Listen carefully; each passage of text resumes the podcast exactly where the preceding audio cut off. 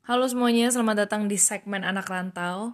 Dan di episode kedua kali ini gue bakalan ngebahas tentang uh, proses gue adopsi binatang di Spanyol dan uh, saat harus uh, beli tiket pesawat buat anjing sama kucing gue pas kita pindah ke Jerman. Uh, nah, sebelum gue mulai, uh, gue mau kasih tau dulu bahwa gue nge-record ini cuma pakai Anchor doang karena gue lagi males setup mic gue Uh, jadi ya again kalau misalnya lo denger anjing sama kucing gue berisik harap dimaklumi. So uh, kenapa gue mau uh, ceritain ini dan masukin ini ke anak rantau karena sebenarnya pertama kali tuh idenya itu datang dari uh, salah satu uh, teman podcaster gue yaitu si Stefani. Uh, dia itu adalah yang mempunyai kata puan sama suara puan kalau misalnya kalian nggak tahu dan waktu itu tuh uh, gue lagi ngobrol sama si Steph uh, buat rekaman juga di Abjad Tersirat. Jadi gue undang dia ngobrol gitu, terus abis itu uh, dia ngomong, eh lu kenapa nggak cerita aja tuh tentang binatang lu kan itu kayak interesting juga, maksudnya it's a part of kayak pengalaman lu merantau gitu kan. Dan gue kayak mikir-mikir, bener juga ya, soalnya banyak juga sih beberapa orang yang nanya ke gue gitu kayak, eh lu punya anjing dan juga kucing gimana tuh cara adopnya di Spanyol waktu itu? Terus gimana cara lo bawa pindahin ke Jerman gitu? Nah jadi di episode kali ini khusus untuk binatang gue dan yang kedua uh, ini sebenarnya untuk merayakan anjing gue yang akan berulang tahun di hari Sabtu ini tanggal 6 Juni dan dia ulang tahunnya sama loh kayak Raisa keren kan? Nah jadi um, gue mendedikasikan uh, episode ini untuk anjing sama kucing gue dan kalian yang mungkin animal lovers. Nah, jadi mungkin gue mulai dulu kali ya cerita dari kenapa akhirnya gue sama suami gue memutuskan untuk adopsi binatang. So, waktu kita pindah ke uh, Spanyol dari Australia, uh, pas di Spanyol itu kita sempet, eh di Madrid dulu lah ya, jadi pas di Madrid kan gue setahun. Terus uh, sebenarnya tuh kita kayak suka sih sama binatang dan gue tuh emang uh, selalu punya anjing di rumah gue yang di Jakarta maksudnya. Nah terus abis itu uh, kita mau adopt kucing sih ada time. Karena kita lagi kayak ke cat cafe gitu terus kucingnya lucu banget. Ya Allah Tuhan. Terus abis itu um, suami gue udah kepikiran tuh mau adopsi. Tapi dipikir-pikir kayak aduh apartemen kita tuh kecil banget. Dan maksudnya abis dari Madrid itu kelar si suami gue selesai master kita tuh nggak tahu kita bakal pindah ke mana lagi gitu loh. Kan tergantung dapat kerja di mana. Jadi kesian banget kalau misalnya binatangnya lontang lantung dan kita nggak mau adopsi itu cuma karena lucu doang. Terus pas lu pindah nggak taunya lu tinggalin aja gitu binatang lu. Nah akhirnya udah nggak jadi lah ya uh, dibatalin untuk adopsi kucing. Nah, pas kita akhirnya diberikan rejeki sama Tuhan untuk tetap tinggal di Eropa, uh, jadi dari Madrid dia selesai master, kita pindah ke uh, kota namanya Seville. Itu masih di Spanyol juga. Nah, pas di sana tuh kan uh, gue lebih banyak waktu luang tuh, terus suami gue kan juga emang ya udah kerja doang kan gitu. Nah, akhirnya suami gue nanya tuh sama gue kayak, "Eh, kamu mau punya anjing nggak? Ya iyalah mau. Kalau lo nanya gue mau punya anak gue kagak mau. Nah terus abis itu gue bilang tuh boleh boleh boleh yuk yuk kita adopsi aja kali ya. Soalnya kan kayak maksudnya ya lebih banyak binatang yang terlantar kan di Spanyol gitu dan ya hitung-hitung amal lah gitu. Ya udah akhirnya itulah alasan kenapa kita uh, memutuskan untuk adopsi. Jadi maksudnya kita lebih banyak waktu terus emang dari dulu kita suka binatang. Nah ini cerita serunya nih. Jadi pas lagi gue adopsi itu uh, eh, gue kan Spanyolnya ya, gue bisa ngomong sih. Cuma uh, untuk hal-hal yang kayak particular gitu vocabulary-nya ya gue juga kagok juga ngomongnya gitu kan. Apalagi lu ngomongin tentang binatang lu ngomongin tentang hal yang kayak aduh bahasa Indonesia nya gue kaget tahu apaan gitu. Nah terus uh, singkat cerita akhirnya gue tuh kayaknya kalau nggak salah uh, eh, dapat koneksi untuk apa sih kayak shelter buat adopsi binatang tuh dapetnya dari uh, grup di Facebook namanya Expats in Seville gitu. Nah abis itu ya udah tuh tuh di sana kayak uh, rekomendasi uh, lu bisa ke shelter mana aja, bla bla bla. Uh, abis itu singkat cerita gue ketemu sama satu organisasi namanya Noah Projecto. Nah si Noah Projecto ini tuh um, punya banyak banget lah anjing dan uh, dia juga punya koneksi untuk orang kalau misalnya mau adopsi kucing gitu. Nah ini gue cerita anjing dulu ya. Jadi uh, si anjing gue ini dapetnya itu sebenarnya um, bukan kita yang milih sih. Jadi lebih ke kayak si anjingnya yang milih kita. So uh, singkat cerita gue cepetin banget nih ceritanya biar kagak kelamaan nih bacot. Uh, gue kontak deh tuh orang-orang kan dengan uh, Spanyol gue yang agak terbata-bata gitu. Kayak gue cuma ngomong apa ya? Gue ngomong apa ya?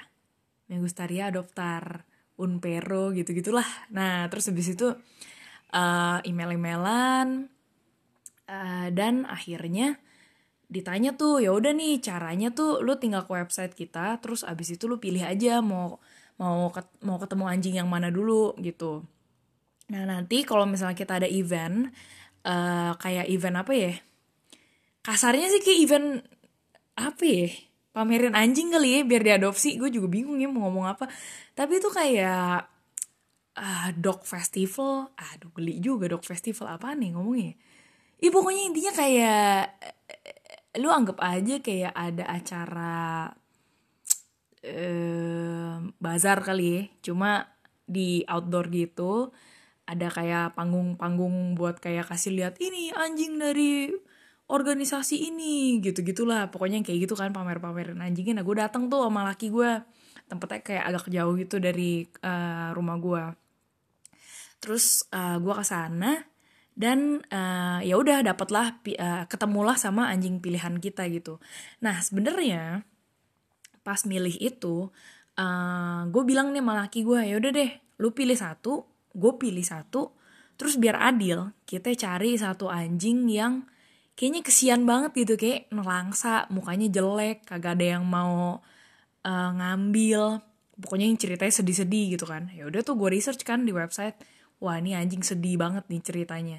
Which is itu nggak taunya jadi anjing gue dong bangke ya. Jadi ceritanya gini. Waktu lagi gue ngeliat di website itu gue liat dong descriptionnya kan. Um, dan si description anjing gue ini tuh uh, apparently dia tuh udah dua tahun di uh, stay di shelter itu dan um, for apa ya along apa uh, for that time nggak ada yang mau ngeliat gitu loh. Jadi literally nggak ada yang tertarik eh gue mau lihat si Nicolino dong gitu nggak ada. Mungkin karena katanya um, um, warnanya hitam terus kayak nggak gitu cute maksudnya udah nggak nggak kayak nggak anak anjing lagi kan udah agak gede jadi kayak hmm meh gitu orang. Ya udah gue pikir anjir kasihan juga nih anjing ya. Um, soalnya tuh kalau misalnya kalau lo nggak tahu nih di shelter gitu kalau ada beberapa shelter uh, yang kalau misalnya udah kebanyakan binatang di sana mau nggak mau tuh lo kayak di euthanize gitu ya disuntik mati lah gitu Nah gue mikir dong ya udah deh kita harus menyelamatkan anjing ini nih kalau emang cocok gitu. Ya balik ya ke si festival anjing gitu. Nah pas lagi gue ke festival anjing itu malah laki gue ya udah dipertemukan dong sama si orang ini kan. Uh, nah orang ini yang bantuin kita connect sama anjingnya itu namanya Isabel dari si organisasi ini. Nah pas ketemu gila men itu lucu banget coy. Gila jadi tuh anjing pilihan gue nggak datang katanya lagi nggak tau lah mungkin sibuk kali mau festival lainnya nggak paham gue. Nah terus anjing pilihan laki gue datang tuh kecil banget. Gue kayak ya elah ini mah keinjak mati. Terus abis itu ada Nico si Nicolino tuh yang anjing pilihan kayak last choice kita lah gitu. Gile dong itu lucu banget. Tiba-tiba tuh dia datang ya datang ke arah laki gue terus langsung minta dipelok gitu kayak as if tuh udah kenal lama oh my god itu gila sih itu mantep banget sih.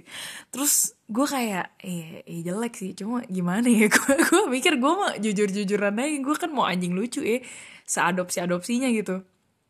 Terus ya udahlah gue pikir gue tanya sama laki gue kan kayak kamu suka sama anjingnya?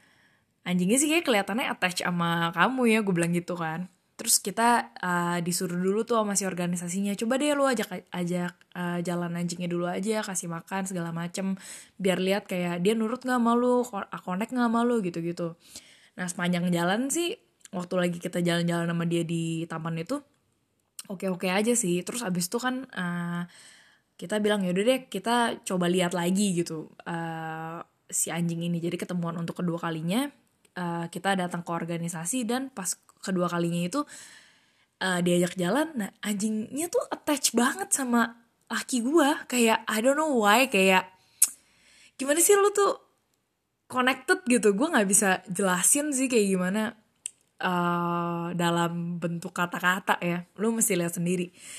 Nah akhirnya gue bilang ya udah gue decided untuk ambil si anjing ini gitu. Ya udah deh akhirnya uh, singkat cerita uh, lu mesti kayak isi form segala macem kasih tahu pengalaman lu sama anjing tuh kayak gimana bla bla bla bla bla bla.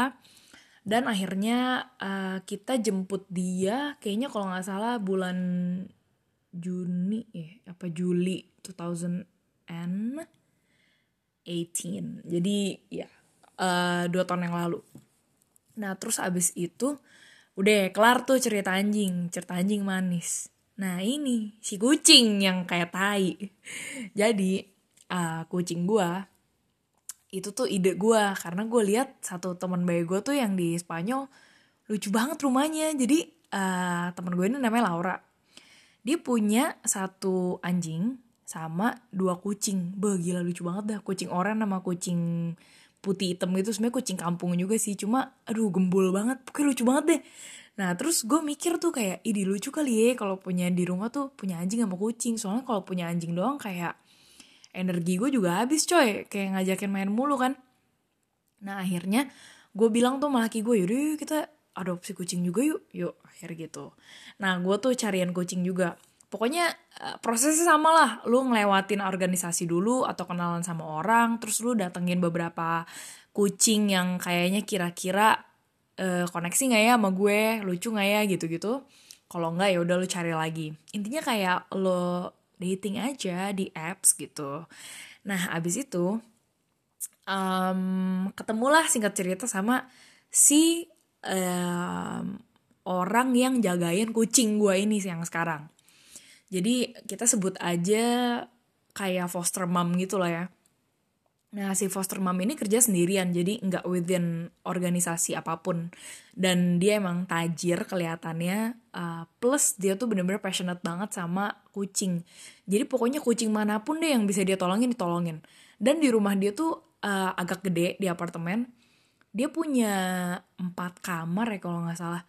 Cuma isinya kucing semua, lu gila nggak? Jadi lu masuk ke dalam rumah, itu tuh ada... Berapa kucing ya? 8 nih 8 kucing deh kalau nggak salah. Pokoknya dia punya kucing tetap sendiri tiga apa empat gitu. Nah sisanya tuh silih berganti gitu. Tergantung kayak ada yang adopt nggak ada yang nggak adopt. Terus misalnya dioper lagi ke penjaga yang lain kayak gitu gitulah nah akhirnya dikasih nih gue sama kontak sama nih cewek namanya Marta. Nah si Marta ini uh, bisa Inggris. Jadi gue kayak ya asik deh. Lumayan lumayan. Gue kalau mau cari-cari kucing uh, lebih gampang. Terus gue bilang sama dia gue pengen kucing warna oranye kalau bisa. Tapi maksudnya ya itu nggak apa ya nggak harus lah gitu gue bilang. Yang penting gue cuma mau nolongin kucing doang. Udah gitu. Nah akhirnya uh, dipertemukanlah gue sama si kucing oranye ini yang menjadi si kucing bangke gue nih di rumah Nah dia tuh agak gagak bangsat gitu tuh pertama kali kita ketemu. Kan gue dateng kan sama si laki gue nih ke rumah si uh, siapa namanya tadi ya gue lupa Marta ke rumah Marta kan. Gue dateng nih sama laki gue ke rumah Marta. Terus dikenalin lah sama si Magdaleno ini. Waktu itu dia belum punya nama tuh. Abis itu uh, kita nungguin sejam ya. Ngumpet mulu di kolong kamar. Gue kayak anjing lama banget mainnya. Kayak lu tuh mesti pancing-pancingin nama makanan dulu baru dia datang. Abis itu keluar lagi kayak gitu gitu lah ya. Ya udah gue pikir kan ya udahlah emang kodratnya kucing kan emang malu-malu kucing ya. Jadi ya udah kita cobain lagi tuh di pertemuan berikutnya. Uh, satu jaman juga lah gitu di rumahnya si Marta. Uh, kita ditinggalin berdua di kamar sama si kucing ini. Terus kayak gitu lagi. Jadi waduh lama banget dah ajakin main ya sumpah ada kesabaran gue kayak udah mau habis juga terus laki gue kayak udah mulai bosen gitu kan. Laki gue bilang aduh kayaknya udah deh. Kayaknya gue nggak connect nih sama kucing yang ini.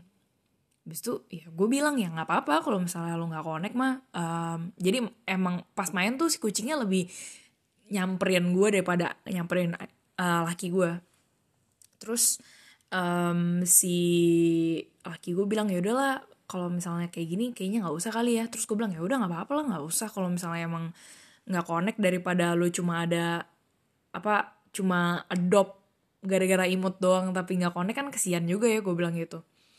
Lo tahu apa yang terjadi? Ini gue nggak bohong ya sumpah sumpah. The moment kita ngomong ya udah kita nggak usah adopsi deh. Ya si bangke keluar dong dari kolong kamar. Terus tiba-tiba dia duduk di uh, pahanya suami gue jadi kita kan lagi duduk di lantai nih kayak bersila gitu. Jadi datang ke pahanya laki gue terus gue cengok dong kayak nih kesambet apa nih kucing tiba-tiba kayak gini? Karena udah satu jaman nggak mau ke kita sama sekali. Eh nggak mau ke suami gue sama sekali. Terus habis itu uh, laki gue kayak coba sayang gitu kan kepalanya. Ini mau dong. Terus gue kayak waduh. Nih kucing jangan-jangan ngerti lagi beb. Gue bilang kagak mau kita adopsi terus gue diem kan bingung nih mikir juga sama laki gue nih gimana nih? Jadi imut begini kan. Akhirnya ya udah gue bilang ya ini mah kayaknya udah calon-calon DK Niko juga nih milih kita gue bilang gitu. Ya udah akhirnya laki gue bilang aduh gimana ya? Ya udah deh kita adopsi. Terus tau gak si bangke ngapain? Ini wah sumpah gue nggak bohong juga nih. Elah kagak ada kacak. 5 detik kali kita ngomong gitu si kucingnya lompat dong kabur. Terus langsung ke kolong kamar lagi habis udah kagak mau ama sekali dipegang. Udah kelar. Kayak dia kayak ya udah nih gue udah imun nih. Ya udah gue udah punya rumah. Ya udah bye beach gitu. Ya udah akhirnya ya udahlah kita mikir ya udahlah oke okay lah kita juga suka sama binatang binatang yang agak asshole. Ya udah kita adopt. Nah pas adopt itu uh, singkat cerita si Nico kan yang si anjing gue tuh kan yang uh, stay duluan di rumah nah si anjing gue ini eh salah si kucing gue ini datang itu bener-bener udah kayak jelangkung eh enggak ya kalau kayak jelangkung dia mesti dianterin. Nah salah. Pokoknya intinya si kucing gue ini uh, harus kita adopsi dadakan. Karena ceritanya gini itu kan udah bulan Juni ya kita ketemu sama si kucing ini kan. Nah uh, waktu itu gue tuh sama suami gue plan untuk ada summer holiday ke North of Spain buat berapa lama ya? Kayaknya dua mingguan gitulah sekalian ke Portugal juga. Nah, kita mikir kalau misalnya kita uh, mau adopt sekarang, takutnya dia jadi kayak kesian gitu loh, kayak baru bentar sama kita terus kita tinggalin ke apa sih uh, caretakernya gitu kan, sendirian di rumah gitu-gitu. Soalnya kan si anjing kalau misalnya kita pergi tuh uh, kita taruh ke rumah si orang yang bakal jagain. Tapi kalau kucing itu orang yang bakal jagain yang datang ke rumah kita. Paham lah ya kira-kira. Nah, terus uh, si foster mom ini si Marta ngomong kayak gini eh jangan maksudnya lu kalau misalnya mau adopsi jangan nunggu sampai sebulan lagi after lu selesai holiday mendingan lu adopsi sekarang kalau enggak dia udah kayak anakan di rumah ini terus malah jadi apa takes time lagi untuk connect sama lu akhirnya dong ya buset itu gue sama laki gue gedebak gedebuk beli segala macem buat kucing. Beli buat pasir ee nya beli buat aduh apa sih? Sumpah gue nggak tahu bahasa Indonesia sama Inggrisnya apa cuma kayak apa sih? Tempat arenero aduh arenero. Ya pokoknya tempat pasir buat eh intinya itu. Terus mainan makanan segala macem. Dan ya udah akhirnya seminggu setelah si Niko datang si kucing ini yang datang yang akhirnya kita namakan Magdaleno. Nah nama Magdaleno itu sebenarnya nggak eksis sama sekali. Dan itu tuh diambil dari nama Magdalena. Lo tau kan Maria Magdalena Magdalena? Nah di Spanyol tuh nama Magdalena itu common banget. Dan si caretakernya si kucing gua um, itu um, namanya Magdalena. Oh ya gue lupa cerita. Kenapa si kucing gue ini walaupun di foster house tapi masih ada caretaker. Karena si kucing gue ini um, punya penyakit pokoknya punya virus parah banget deh waktu masih bayi gitu. Dan itu tuh dia udah sekarat dan dari lima saudaranya dia doang yang hidup. Jadi kayak kucing miracle gitu lah nah uh, at that time dia mesti di isolate dari semua kucing yang ada di rumah si Marta ini. Nah kasihan dong kalau misalnya dia cuma sendirian doang. Jadi uh, dan juga si Marta sibuk kerja yang lain lah. Jadi makanya kalau misalnya lagi nggak ada orang di rumah si Magdalena ini si caretakernya tuh datang ke rumah untuk jagain si uh, kucing oren. Dan makanya kita namain ya udahlah kan caretakernya Magdalena. Ya udah ini kan kucing cowok. Udah ganti aja A jadi O jadi Magdaleno. Gitu namanya. Nah aduh gila gue capek aus anjir kayak ngebut banget ngomong ya udah pokoknya gitu ya uh, cerita tentang uh, bagaimana mereka berdua bisa diadopsi. Gue nggak bakal ceritain gimana caranya bikin anjing sama kucing temenan. Itu ntar aja di lain waktu kalau kalian mau dengerin. Cuma sekarang kita langsung lompat ke mana ya? Ke ini kali ya um, sedikit tentang um, ini ribetnya punya kucing waktu lagi gue ini um, eh kucing sama anjing waktu lagi setelah adopsi ini gue singkat aja nih cerita eh Habis itu baru kita lompat ke tentang gimana caranya pindah ke Jerman pakai pesawat sama binatang. Nah, jadi uh, waktu di eh waktu kita udah punya si anjing sama kucing itu, ya lo kan masih ke dokter hewan dong.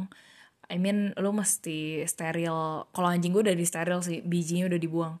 Nah, cuma si kucing belum nih. Dan uh, gue tuh jadi mesti bolak-balik ke dokter hewan buat kayak bikin appointment lah, buat vaksin lah, buat apa sih? Aduh apa ya nama bahasanya ya? Uh, ya pokoknya kasihin obat kutu gitu-gitu kan ada tanggal-tanggalannya kan. Terus um, pas lagi di rum eh pas lagi di dokter hewan nih, uh, yang tai nih dokter hewan gue kan subsidize sama pem dari pemerintah. Jadi tuh agak-agak gembel gitu servisnya dan kadang-kadang gue dapet dokter yang kayak tai juga yang goblok gitu Nah, terus ada satu kali gue pas lagi ke dokter hewan, uh, kucing gue tuh udah mencret dua bulan waktu itu. Gue panik dong, maksudnya waktu itu tuh gue kenapa ya jadi dua bulan? Kayaknya kita tadinya mikir nggak parah, terus abis itu at that time gue travel buat nari lagi banyak, uh, laki gue juga sibuk kerja, dan lama-lama kayak dia makin lemes. Terus gue mikir wah anjrit kalau baru berapa bulan mati sih lucu juga udah kayak kelinci kan gue miaranya ya udah akhirnya gue buru-buru tuh ke dokter hewan setelah kelar semua travel nari-nari gue uh, dan uh, dokternya bilang itu waktu itu gue datang sama temen gue tuh bantuin buat translate gitu. Nah uh, dokternya bilang oh kucing lu kayak demam gitu jadi kita mesti cek termometer nih. Uh, takutnya dia ada infeksi atau kenapa gitu di dalam badannya. Nah, ini dong paling bangke nih. Ini, udah gila gue inget lagi pengen gue cepol si dokternya. Nah, temen gue tuh kan biasa punya kucing. Tapi kan ya dia nggak mau sotoy lah gitu kayak si eh, nggak uh, mau sotoy kayak sosok kasih advice gitu karena ada dokternya. Nah, kalau lu misalnya lagi pergi uh, buat ngecek kucing lu panas apa enggak sama anjing lu panas atau enggak. Biasa tuh si dokternya masukin termometernya nggak mungkin di mulut dong atau diketek kayak orang kan nggak nggak mungkin kayak gitu. Nah masukinnya lewat mana? Ya lobang pantat coy. Jadi masukin lewat lobang pantat terus gue juga nggak tahu kan rasanya gimana kan untuk seorang binatang dimasukin termometer ke lubang pantat gue juga nggak pernah dicolok-colok gitu lubang pantat gue. Nah gue tuh lagi jadi si si dokternya cuma ngomong ini um, ya udah lu ini ya uh, pegangin aja kucing lo jadi kayak gimana ya kucing gue tuh kayak lagi ngadep ke gue gitu loh um, mukanya. Terus um, gue pegangin kepalanya biar dia kayak chill gitu lah ya sama badannya juga. Jadi lo kebayang ya tangan kanan gue nih eh tangan kanan tangan kiri gue tangan kiri gue tuh lagi uh, megang kepala dia dan deket sama gigi dia Nah, si goblok dokter ya, bukannya pakai aba-aba kek, apa kek? Lus-lus kucingnya dulu, diapain kek, di pep talk dulu gue nggak tau lah. asal sodok aja dong si termometernya ke pantatnya si kucing gue terus tuh tahu apa yang terjadi? Kucing gue yang ngeong lah langsung maksudnya kayak langsung kayak sakit gitu langsung kayak meow gitu. Terus dia kesakitan terus gue kan nggak ngerti what's going on kan? Karena gue juga nggak diberikan aba-aba gitu sebagai owner kucing gitu. Dan um, karena berhubung kucing gue tuh lagi gue pegang pakai tangan kiri uh, si kucing gue kesakitan dan dia berasa kayak threaten ya udah dia langsung gigit tangan gue si bangsat. Nggak juga ya si dokter yang bangsat bukan kucing gue nah terus um, gue kegigit dong tangan gue tai kenceng banget abis itu dokternya baru kayak eh sorry sorry. Eh enggak deh nggak nggak even ngomong sorry ya. Pokoknya intinya dia langsung kayak kaget langsung lepas termometernya. Terus kayaknya dia langsung shock tangan gue udah berdarah. Goblok kan? Ini jadi si dokternya bukan cuma ngerawat kucing gue jadi ngerawat gue juga.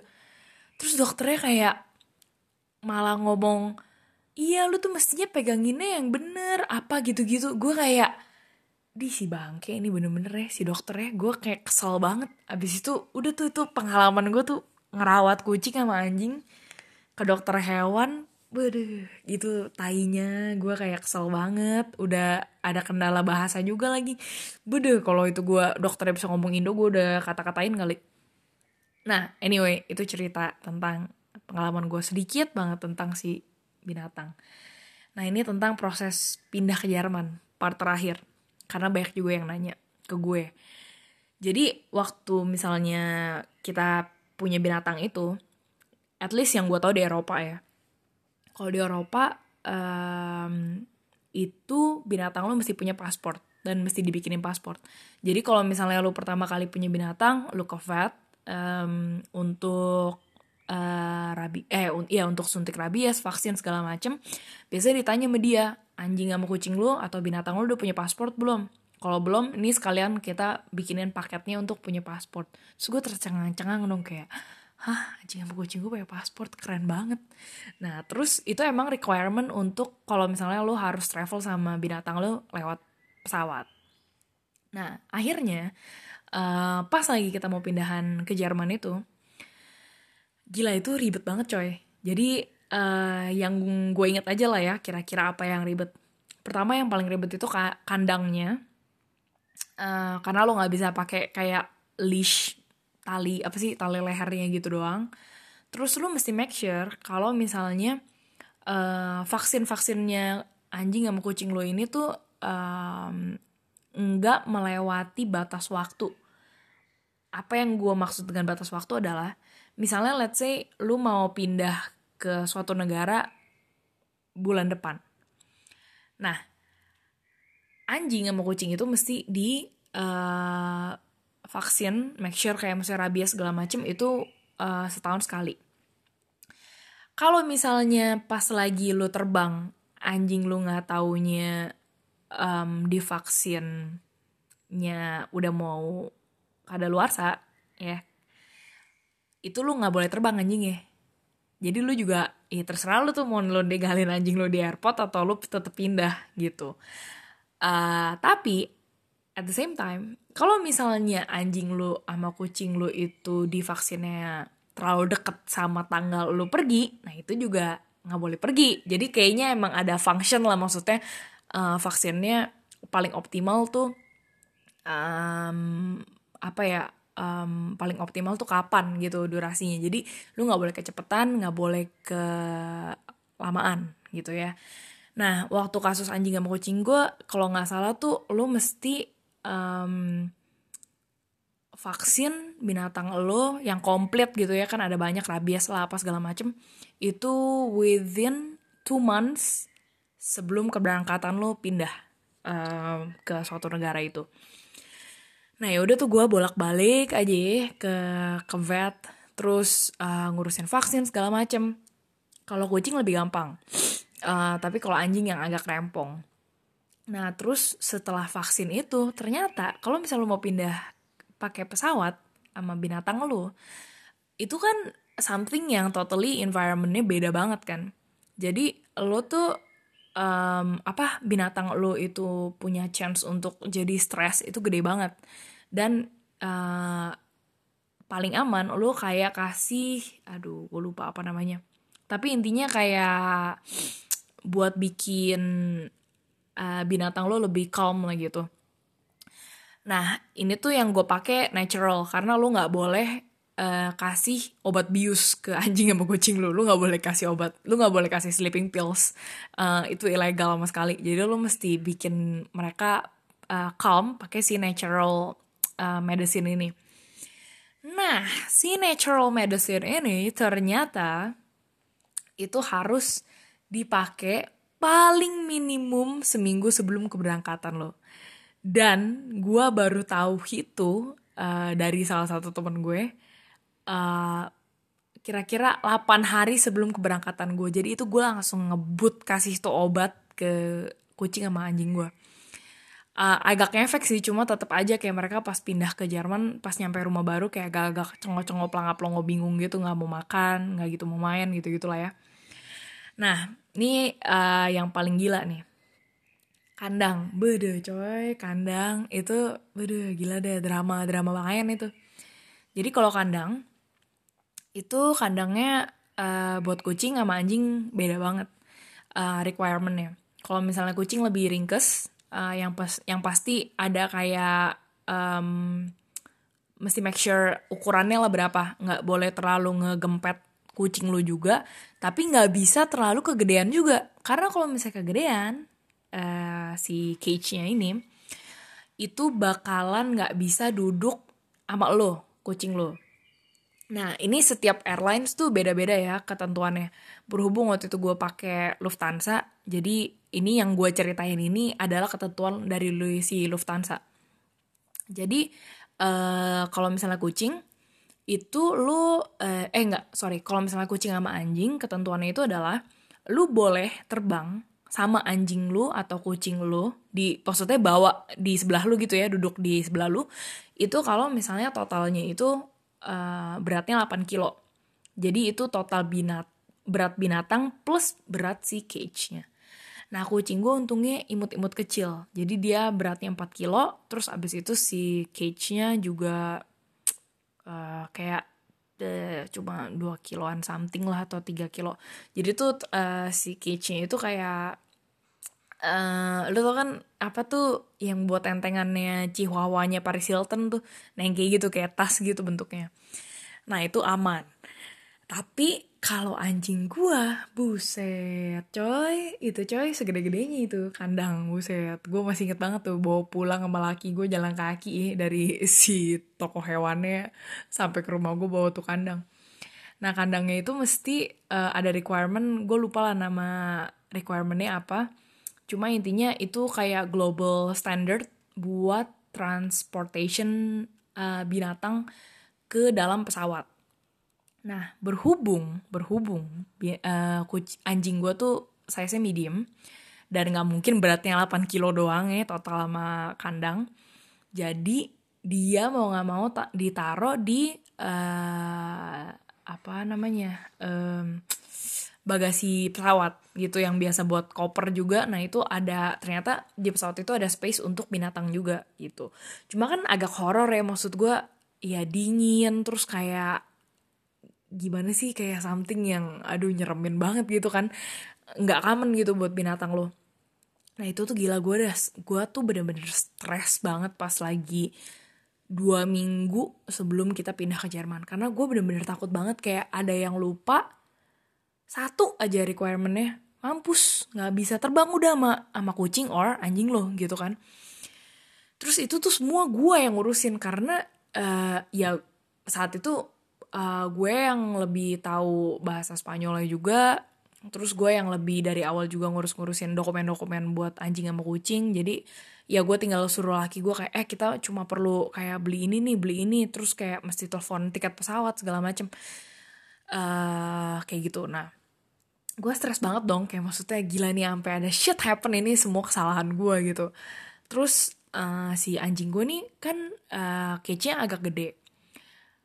Dan itu lo mesti latih dulu dong anjing lo buat masuk ke dalam cage buat dia biasa. Dan maksudnya nggak kayak nggak kayak panicking atau misalnya dia do something else yang kayak mau kabur dari cage-nya gitu. Karena kalau enggak ya itu kalau lu kebayang nggak kalau misalnya cage kebalik terus tuh kebalik deh tuh di di bagasi maksudnya di bagasi koper sampai berapa jam lu perjalanan lah gitu. Nah akhirnya aduh gila anjir gue masih inget tuh gue mesti latih anjing gue uh, biasa sama kandangnya dan itu tuh semuanya happen within two weeks. Gue kayak udah kayak fuck. Terus um, anjing gue nggak mau masuk masuk ke kandang terus kayak takut gitu dan lu tuh mesti kayak belajar pelan pelan ajarin dia kayak stay di kandang misalnya say cuma tiga menit lu tinggal abis itu kalau dia udah oke udahan lu kasih treat terus abis itu makin lama makin hari uh, lu tinggalin dia makin lama gitu uh, durasinya. Aduh gila. Abis itu pokoknya momen yang pindahan itu sebenarnya yang paling stres tiga itu sih. Lu mesti make sure durasi vaksin segala macem uh, terus dokumen dokumen dokumennya uh, kayak misalnya tiket pesawat oh ya gue belum cerita yang tiket pesawat. Jadi kalau misalnya lo pakai Lufthansa lo tuh mesti telepon nih ke abangnya. Kalau lo bakal bawa binatang. Dan uh, lo mesti kasih tahu kalau lo ada satu binatang yang misalnya harus taruh di bagasi sama satu binatang lagi taruh di uh, ini apa namanya barang sama lo gitu ya di cabin. Nah terus um, si abangnya biasa kalau udah oke okay, baru tuh lu baru bisa beli tiket buat lu sendiri sama buat si binatang lu. Dan ternyata apparently tiket buat binatang itu nggak mahal-mahal banget. Karena mungkin ini within Europe ya. Jadi kalau nggak salah gue bayar buat uh, tempat duduk kucing gue tuh 60 euroan gitu. Terus kalau buat anjing gue 100 euro doang. Uh, yang mahal itu kalau misalnya kalau nggak salah lu mesti bayar transportation khusus dari si Lufthansa-nya deh atau airlinesnya. Itu tuh hitungnya kayak per kilo gitu deh kalau misalnya ada transportasi kayak gitu. Nah untungnya kita kan nggak ada yang kayak gitu. Aduh gila. Ya udah akhirnya uh, selesai si semua dokumen-dokumen itu. Paspor udah beres vaksin udah beres. Terus untungnya juga si uh, Marta ini yang foster mom uh, si kucing gue. Si Marta ini sempat kerja juga di Lufthansa jadi uh, si Marta udah bilang udah pokoknya lu kalau sampai ada apa-apa nih shit shitnya nggak taunya ada yang salah terus kucing lu nggak boleh terbang. Udah tenang aja gue bisa jagain gitu. Uh, abis itu kan next time bisa ambil balik lagi atau gimana lah. Pokoknya ada backup plan. Nah terus si Isabel ini juga kan kita nggak ada mobil kan di Spanyol jadi tuh si Isabel ini yang bantuin kita uh, semuanya dari packing barang buat ke airport uh, sampai ngebawain ya udahlah semua kandangnya Leno si uh, Niko juga. Aduh anjir itu udah kayak mau mudik ya. Heboh dah pokoknya gila gila gila. Gue kalau ingat lagi kayak anjing gitu aduh gue gak mau mengulangi hal itu lagi udah bisa gila gue aduh kayaknya apalagi ya?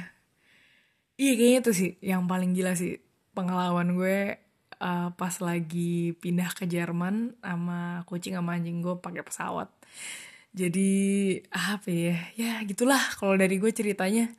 Um, semoga kalau misalnya lo orang mau uh, yang maksudnya mau tahu tentang periteran-periteran kayak gini semoga setelah dengerin ini lo orang bisa dapet knowledge lebih lagi. At least ya yeah, interesting knowledge lah untuk tahu dan ya kalau misalnya lo uh, suka binatang di mana pun itu nggak usah di luar negeri uh, kalau bisa memang adopt daripada lo beli. Karena biasa kalau misalnya adopsi itu ya memang uh, itulah binatang-binatang yang lebih memerlukan bantuan gitu.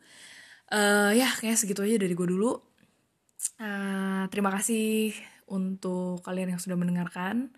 Uh, kalau misalnya kalian mau dengerin episode-episode terbaru dari Abjad Tersirat. Jangan lupa untuk follow podcast Abjad Tersirat di Spotify. Dan juga kalian bisa follow Instagramnya Abjad Tersirat di @abjadtersirat. Bye!